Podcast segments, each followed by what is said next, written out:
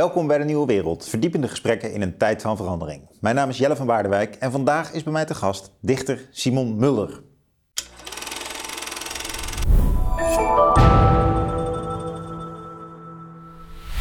Leuk dat je er weer bent. Fijn te zijn. Ehm, je hebt een boekje eh, uitgebracht deze lente over Paul Verlaine. Ja, Eigenlijk een bloemlezing hè, van zijn werk. Klopt. Ja, nieuwe vertalingen uit het werk van de dichter uh, Paul Verlaine. Bijna niet bekend in Nederland. Weinig Misschien onder dichters, maar... Ja, vooral. maar daarbuiten? Niet heel veel. Misschien eerder uit de muziek voor klassieke muziekliefhebbers. Hm. Uh, dat was dan ook de reden van de keuze van de gedichten die ik heb vertaald voor dit boekje. Omdat het gedichten zijn die op muziek zijn gezet, onder andere door Debussy en Fauré. En die nog wel eens als klassiek lied te horen zijn. Bijvoorbeeld Claire de Lune, een hele bekende van Fauré misschien. We kunnen misschien wat linkjes onder uh, het YouTube-kanaal zetten met uh, uh, zang. Prachtig. Dan kunnen mensen er zelf nog wat in teruglezen. Jij hebt het zelf vertaald. Dat klopt. Je bent ook dichter, dat weten we, want je bent hier vaker geweest. Ja. Maar misschien toch nog even iets daarover. vertalen van gedichten, ingewikkeld. ik heb oh, het zelf ook wel eens geprobeerd. We hebben hier verschillende vertalers over op bezoek gehad. Ja. Hoe, hoe, heb je dat aangepakt? kwam er de, de, uitnodiging van de uitgeverij, maak een serie vertalingen? Of kijk jij sowieso al vertalend naar, uh, naar Franse poëzie? Uh, ja, tenminste, ik hou erg van tweetalige edities. Omdat het fijn is om het naast elkaar te zien. Zodat je kan zien wat de keuzes van de vertaler waren. maar ik zelf heb ja, met plezier altijd Verlaine gelezen. En ik kwam bij een project terecht van Kees Godefroy van Stichting Spleen. Hij had een aantal vertalers om zich heen verzameld. En die uh, had hij de opdracht gegeven om een paar gedichten van Verlaine te vertalen voor een verzamelbundel. Um, dat is een tijdje terug en uh, ik had er toen een paar liggen en ik dacht, wat gaan we voor nieuwe voorstelling maken met mijn collectief Het Feest der Poëzie. En ik dacht, nou ja, als ik deze vertalingen die er al waren een beetje uitbreid, dan hebben we een mooi nieuw boekje. Um, en inderdaad vooral gericht op de op muziek gezette gedichten van Verlaine. Nou, La, of, misschien kun je een uh, voordragen? Om, uh, in, te beginnen, ja. Ik weet niet wat handig is. Eerst, eerst in het Nederlands en dan, en dan in het Frans? Of, hoe, hoe, ik doe het uh, vaak andersom. Andersom, maar goed. maar dit is misschien voor deze gelegenheid wel goed om eerst het Nederlands te hebben. Maar ik heb ook wel medelijden met de mensen die het Frans niet machtig genoeg zijn, waar, waar ik mezelf ook toe reken. Dus ah, dan, als je eerst het Nederlands hebt, dan, ah, precies. dan, dan, kun je iets beter nog meekomen. welke zou je willen voordragen?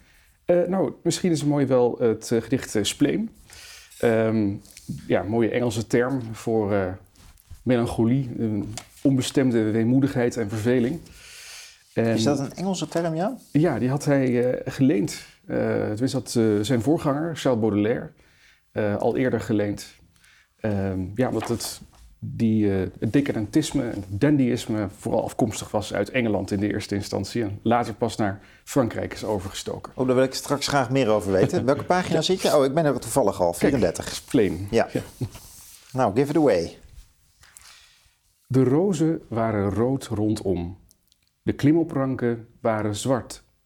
Mijn lief, keer jij je naar mij om, herleeft de wanhoop in mijn hart. De hemel was te blauw, te zacht en de zee te groen, te zwoel de lucht. Ik vrees van u, wat te verwachten, altijd een vreselijke vlucht. Ik ben de hulst met glimmend blad, de palmstruik in een glanzend waas, het eindeloos platteland zo zat. Alles, behalve u, helaas. En dan het Frans. Les roses étaient toutes rouges et les lierres étaient tout noirs. Cher, pour peu que tu te bouges, renaissent tous mes désespoirs. Le ciel était trop bleu, trop tendre, la mer trop verte et l'air trop doux. Je crains toujours ce qu'est d'attendre quelque fuite atroce de vous. Du haut à la feuille vernie et du luisant buis, je suis là, et de la campagne infinie et de tout, fort de vous et là. Ja. Prachtig, Simon. Dank. Voordat je wat meer vertelt over hem en dat, uh, die, die traditie van het dandyisme, onder mhm. andere. Kun je eens wat toelichten over de taalkeuzes die je gemaakt hebt. Ja, ja. Uh, I- zijn, bijvoorbeeld bij dit gedicht. Waar we- kijk, eh, de rozen lijkt me een eh, directe, onmiddellijke vertaling. Dat, eh, dat, dat ging nog makkelijk, ja. Eh, ik heb meer dan sommige andere vertalers gekozen, eh, en dat is puur een esthetische keuze, eh, voor het behouden van de vorm. Eh, dus het eh, ritme dat Verlaine in zijn gedicht stopt, het metrum, dat ook een beetje rommelig is trouwens af en toe, maar wel een vaste basis heeft. En het rijmschema, dus eh, vooral de vorm te behouden. En dan moet je toch offers maken af en toe, eh, waar het woordkeus betreft. Maar ik heb zoveel mogelijk geprobeerd het eh, één op één te vertalen waar het kon. En waar het niet anders lukte, eh, moeten improviseren. En eh, ja, dat, eh, sommige gedichten zijn nog niet eerder vertaald in het Nederlands, die hierin staan. Deze toevallig wel. Wat kun je ons eens meenemen in die, de vertaling van dat ritme? Of hoe, dat, Mhm. hoe dat ritme zit? Ja, ik kan het bijvoorbeeld ritmisch proberen voor te dragen, de eerste paar regels. Ja? Les roses étaient toutes rouges et les lierres étaient tout noirs. En dan in Dus het je Nederlands? krijgt een, eh, de rozen waren rood rondom, de klimopranken waren zwart. Dus je krijgt eh, niet een heel net jambisch metrum van je padam, padam, padam, padam. Ehm, maar eh, wel iets dat erop lijkt, in ieder geval hetzelfde aantal heffingen, klemtonen per versregel. Daar houdt hij zich wel ongeveer aan. En dan, of als er af en toe eentje bijgesmokkeld wordt, dat vindt hij niet erg. Ehm, en dat heb ik ook proberen, ja, dat losvaste ritme mee te nemen in het Nederlands. Mooi, mooi toegelicht. Dank je. Ehm, en, en- waar gaat het gedicht over? Ja, dit is, dit is, eh, de titel zegt het eigenlijk al. Het is een, eh, eh, die melancholie. Het aardige is ook dat je er ziet in het gedicht... het gaat over het platteland waar de dichter is. Hij beschrijft dat. Ehm, hij beschrijft ook een geliefde eh, die weg is, maar terugkeert. En dan is hij bang dat ze weer weggaat, of hij. Ehm, en eh, het aardige is dat hij hier een beetje die plattelandsidylle... die je in romantische poëzie eh, vaak hebt... van oh, wat mooi, hè, buiten de stad, de natuur, heerlijk... Ehm, dat haalt hij onderuit. Hij is het eindeloos platteland zo zat. En campagne infini. Eh, dus ja, wat normaal vreugde moet brengen en, en schoonheid, dat is precies wat hij haat. Eh, en dan komen we ook bij de decadente kant eh, van Verlaine terecht. Dat hij dus alles wat de gewone burgerman eh, prettig en mooi vindt, dat keert hij om. Omdat, ja, dat is eigenlijk wat hem het meeste verveelt. Hij, hij, hij als bohemien, als, Mhm. Ja, als vrije dichter uit de stad. precies. Die het stedelijke leven ook mooi vindt. Die in ieder geval het stedelijke leven leidt. Ja, of Ja. eh, of hij nou wil of niet. Ja. Toch is het ook wel een, een dichter van de eenvoud, hè? Met, met, Ja. met korte versen, met, met, met vrije versen. Ja. Eh, in die zin komt hij wel ehm, ja, toe- heel, toegankelijk, heel toegankelijk over ook. ja, En absoluut. nou is het natuurlijk altijd eh, misschien ook wel heel moeilijk om eenvoudig te schrijven. Ja, zeker. Maar, maar hij doet niet groot steeds in zijn woordkeuze en zijn Nee. metrum. En dat, Nee, dat, dat, dat, dat is wel mooi. Dat soort type dichters die ehm, worden vaak niet, niet, niet meteen gewaardeerd. Hè? Dus er wordt snel gezegd van light verse, eh, toch een beetje gemakkelijk. ja. En, eh, maar, dat, maar hij lijkt wel ma- makkelijk speels te blijven.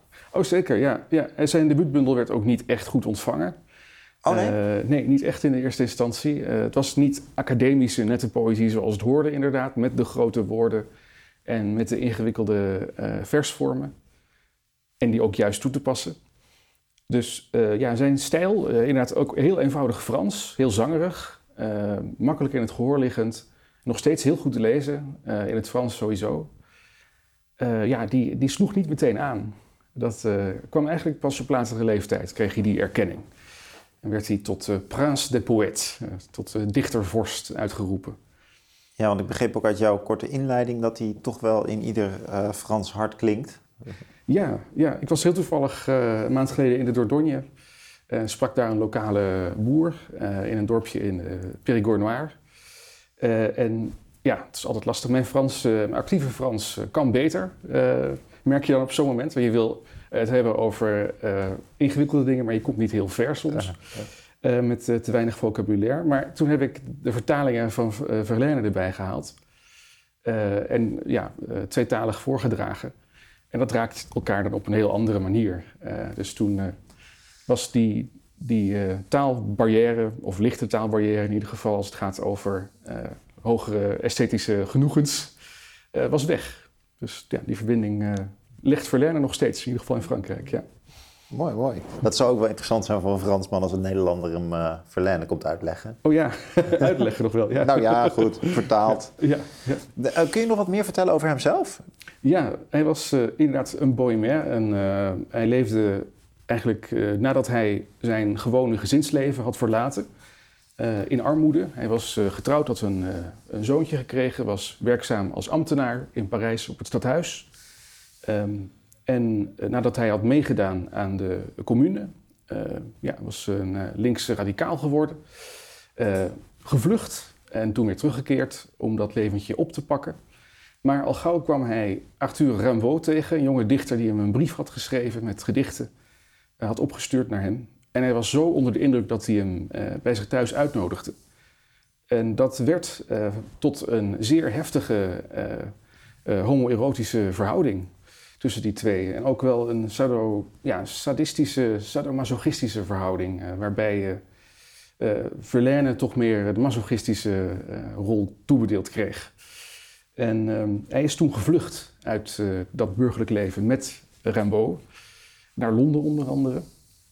En uiteindelijk is het ja, die verhouding tussen hen, die helemaal fout zat, is ontaard in uh, Brussel. In een hotel heeft Verlaine dronken uh, twee revolverschoten afgevuurd op Rimbaud. Uh, die was gelukkig alleen maar in zijn pols geraakt, maar hij is daarvoor wel twee jaar in de gevangenis verdwenen.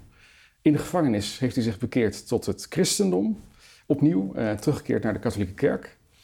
En dat weerhield hem er niet van om in vervolg nog wel bordelen te blijven bezoeken en jongens na te jagen. Maar uh, uiteindelijk is hij teruggekeerd naar Parijs. En eh, in armoede heeft hij in bordelen en ziekenhuizen vooral geleefd. Uh, en verslaafd aan allerlei middelen, uh, vooral aan de absint. Um, en pas eigenlijk de laatste jaren van zijn leven kreeg hij die erkenning naar waar hij al zo lang naar op zoek was geweest. Bleef hij schrijven? Ook...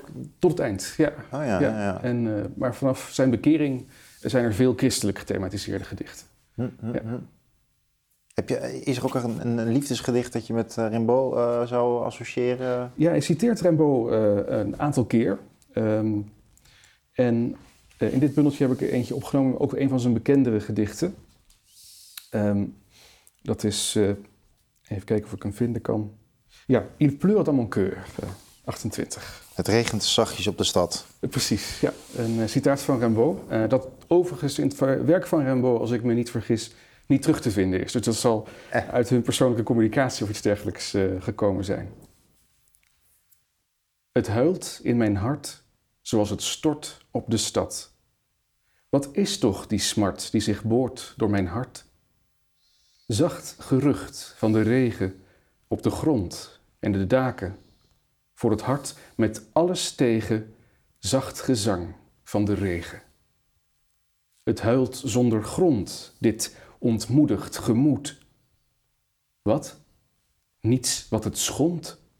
Deze rouw heeft geen grond. Ik ben het ergste geschaad door het niet weten waarom, zonder liefde of haat, mijn hart toch zo droef slaat. Il pleure dans mon cœur comme il pleut sur la ville. Quelle est cette langueur qui pénètre mon cœur au bruit doux de la pluie par terre et sur les toits, pour un cœur qui s'ennuie, au le chant de la pluie. Il pleure sans raison dans ce cœur qui s'écœure. Quoi? Nulle trahison? Ce deuil est sans raison? C'est bien la pire peine de ne savoir pourquoi, sans amour et sans haine, mon cœur tant de pen. Ja, een heel stedelijk gedicht weer. Uh, en toch wel dat cliché zou je kunnen zeggen. Ik ben droevig en het regent. Um, maar de muziek die hierin zit, uh, je hoort het ook aan die Franse klanken. Heel veel binnenrijm. Dezelfde klinkers, dezelfde medeklinkers. En dat losvaste ritme. Uh, ja, het is muziek. Kun je wat voorbeelden noemen van die binnenrijm? Dat, dat de kijkers dat ook mee kunnen krijgen? Ja, het is... ehm, Want in het Frans is dat nog best wel moeilijk. Ik bedoel, je ziet het wel, maar... Ja, je hebt eh, nou bijvoorbeeld, hij laat zelfs binnen de regel woorden op elkaar rijmen. Ehm, in de derde strofe, tweede regel, dans ce cœur qui se cœur. En dat is heel lastig te vertalen, want dat eh, woord hart, keur, zit er in het werkwoord. Eh, het wordt herhaald en ik heb er dan maar een gemoed van gemaakt. Hm. Dan heeft het ook ontmoedigen. Eh, ja, uh, qui se cœur, eigenlijk dat zich verveelt eerder. Ja, vrij vondst. Dus dit ontmoedigt gemoed voor dans ce cœur qui se cœur. Ja. Ehm, en even kijken, ehm, die eh, eh, pleur, hè, het, eh, het huilt, il pleure en il pleut. Eh, het regent. Eh, dat eh, probeert hij, eh, dat herhaalt hij ook wel. En ja, dat, dat is ook lastig te vertalen. dus ik heb dat maar geprobeerd een, een alliteratie te gebruiken. Het huilt in mijn hart met die haas, zoals het stort op de stad met ST. Ehm, om toch een beetje dat, ja, die overeenkomst in medeklinkers weer te geven. Ja, geweldig. Het zegt ook iets over jouw methode van de liefde voor de vormvaste poëzie, hè? Oh, dat klopt. Ja, ja. ik eh, hou me voornamelijk met vormvaste poëzie bezig. Gedichten met rijm en metrum. Omdat daar tegenwoordig niet zo vreselijk veel aandacht meer voor is. Het wordt vooral gezien als iets historisch en Ja. tegenwoordig hoeft het niet meer zo. Is dat een historische interesse of vind je het ook esthetisch juist erg mooi om vormvaste poëzie te lezen? Oh ja, ja. Eh, ik ben het eigenlijk heel erg eens met eh, het adagium van Verlaine. Eh, hij zei, eh, de muziek voor alles. En eh, ja, dat het onderdeel, het muzikale en het uitgesprokene en ook het gezongene van poëzie, het lyrische, zou ik willen zeggen haast, dat is wat mij betreft ook wel een belangrijk onderdeel ervan. Ja, ja. Dat, eh, Want dat kun je ook handhaven zonder vaste vormen. oh ja, ja, ja, zeker. De poëzie is in die zin niet per se ge- gebonden aan Nee, wel, weliswaar een rijm, maar ook... Je, je kunt al heel, veel ver, heel ver komen met eh, klinker- en medeklinkerrijmen. Dus een, eh, een goede assonantiegebruik. Mhm. Eh, rijm, rijmen is in Nederland al snel iets wat je doet denken aan 5 december ook. Ja. Dus het is, het is ook nog de kunst om niet clichématig te rijmen. Zeker, ja, ja. Het is dus lastig om het nog te proberen eh, te doen, vormvast eh, te schrijven tegenwoordig. Maar ehm, ja, ik zie het eigenlijk meer als een gereedschapskist. Eh, dus je kan eruit halen wat je wil. Eh, al die onderdelen van het ambacht van het vormvast dichten. Ja. Je hoeft niet alles te gebruiken. Als je zegt, eh, ik wil, vind het wel fijn om een vast ritme in mijn gedicht te hebben. Maar eindrijm, dat gaat me te ver. Dan krijg je ook al iets heel aangenaam klinkends als je dat hardop Ja. voorleest. Dus, Ik zag, niet, eens een, ik zag eens een interview met Menno Wichman, wijlen Menno Wichman, Ja. en die zei, ja, ik heb ook wel eens zonder vorm aan een gedicht gewerkt, toen was ik ook opvallend snel klaar. Ja, daar lachte hij dan een beetje ja. klein bij.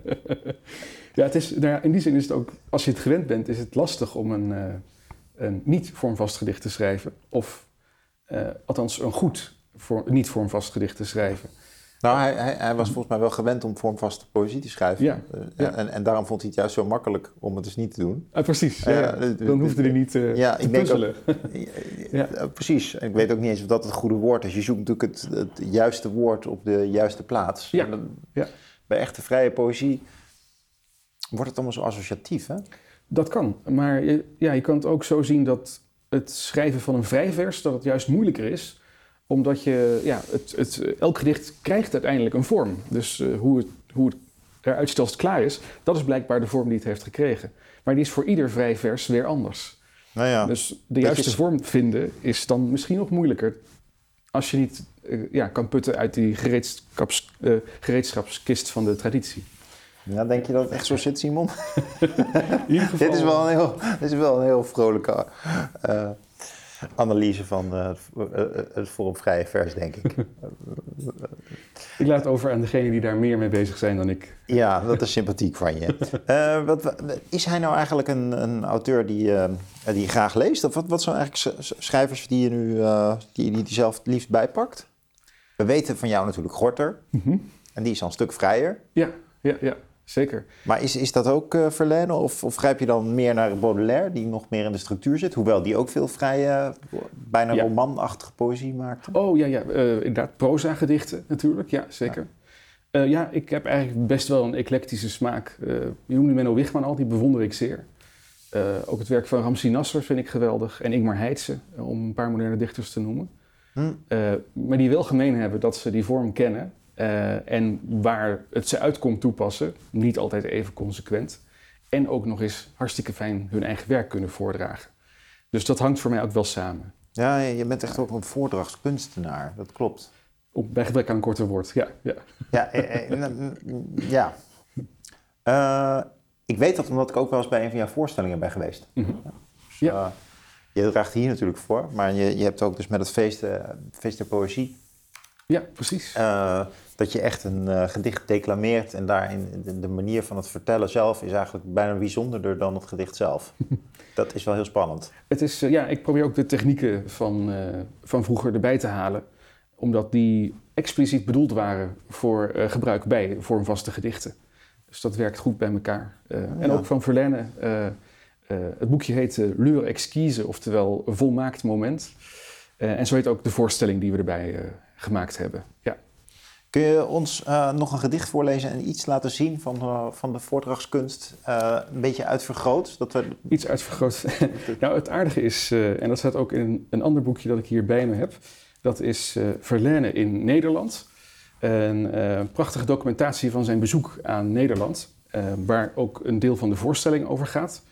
En er wordt dan expliciet gezegd dat hij juist heel modern voordroeg. Uh, dus ja, wij Nederlanders waren gewend aan die klassieke, mooie, gedragen voordrachtstijl. Ja. Uh, en hij had dat ja, moderne Franse, zou je kunnen zeggen, oh, heel sec. Heel bijna fluisterend. Oh. hij werd achter in de zaal niet verstaan. Oh, dit is wel heel jammer. dit is een tegenvaller. nou, draag hem dan maar voor op zijn Simon Mulders. Dat, dat, dat, is dan, je, moet, je moet kunst ook zien toe te eigenen. Juist. Ik zal uh, er eentje bijhalen. Zoek jij hem, dan zal ik ondertussen nog even wat reclame maken voor jouw project, je voorstelling, die je dus maakt rondom dit boekje. En die kunnen mensen ook bezoeken, hè? ik geloof in oktober nog. Ja, we hebben in oktober niet, maar in november, 5 november staan we in Zutphen en 10 november in Amsterdam. En 28 januari nog eens in Amsterdam. Uh, er komen nog meer data aan en alles is te zien op onze website. En er worden niet alleen poëzie gelezen, maar ook gezongen. Ja, en inderdaad. Er zijn duidelijkheidsmomenten tussendoor. Ja, we vertellen over het leven van Verlaine. Het is eigenlijk een uh, theaterlezing, zou je kunnen zeggen.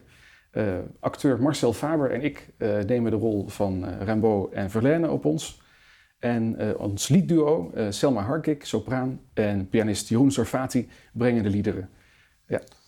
Geweldig, geweldig. Wij gaan erheen. Juist. Van harte welkom. En ik zal nog gelijk het titelgedicht uh, brengen. De bleke maan glimt in het bos. Van takken gaan er stemmen los in bladerkring, o lieveling. De vijver deelt schaduwportret, diep spiegelbeeld, zwart wilgskelet, waar wind in schrijdt het is stromenstijd. Een vredigheid daalt als vanzelf, teder en wijd uit stergewelf dat kleur neerzendt.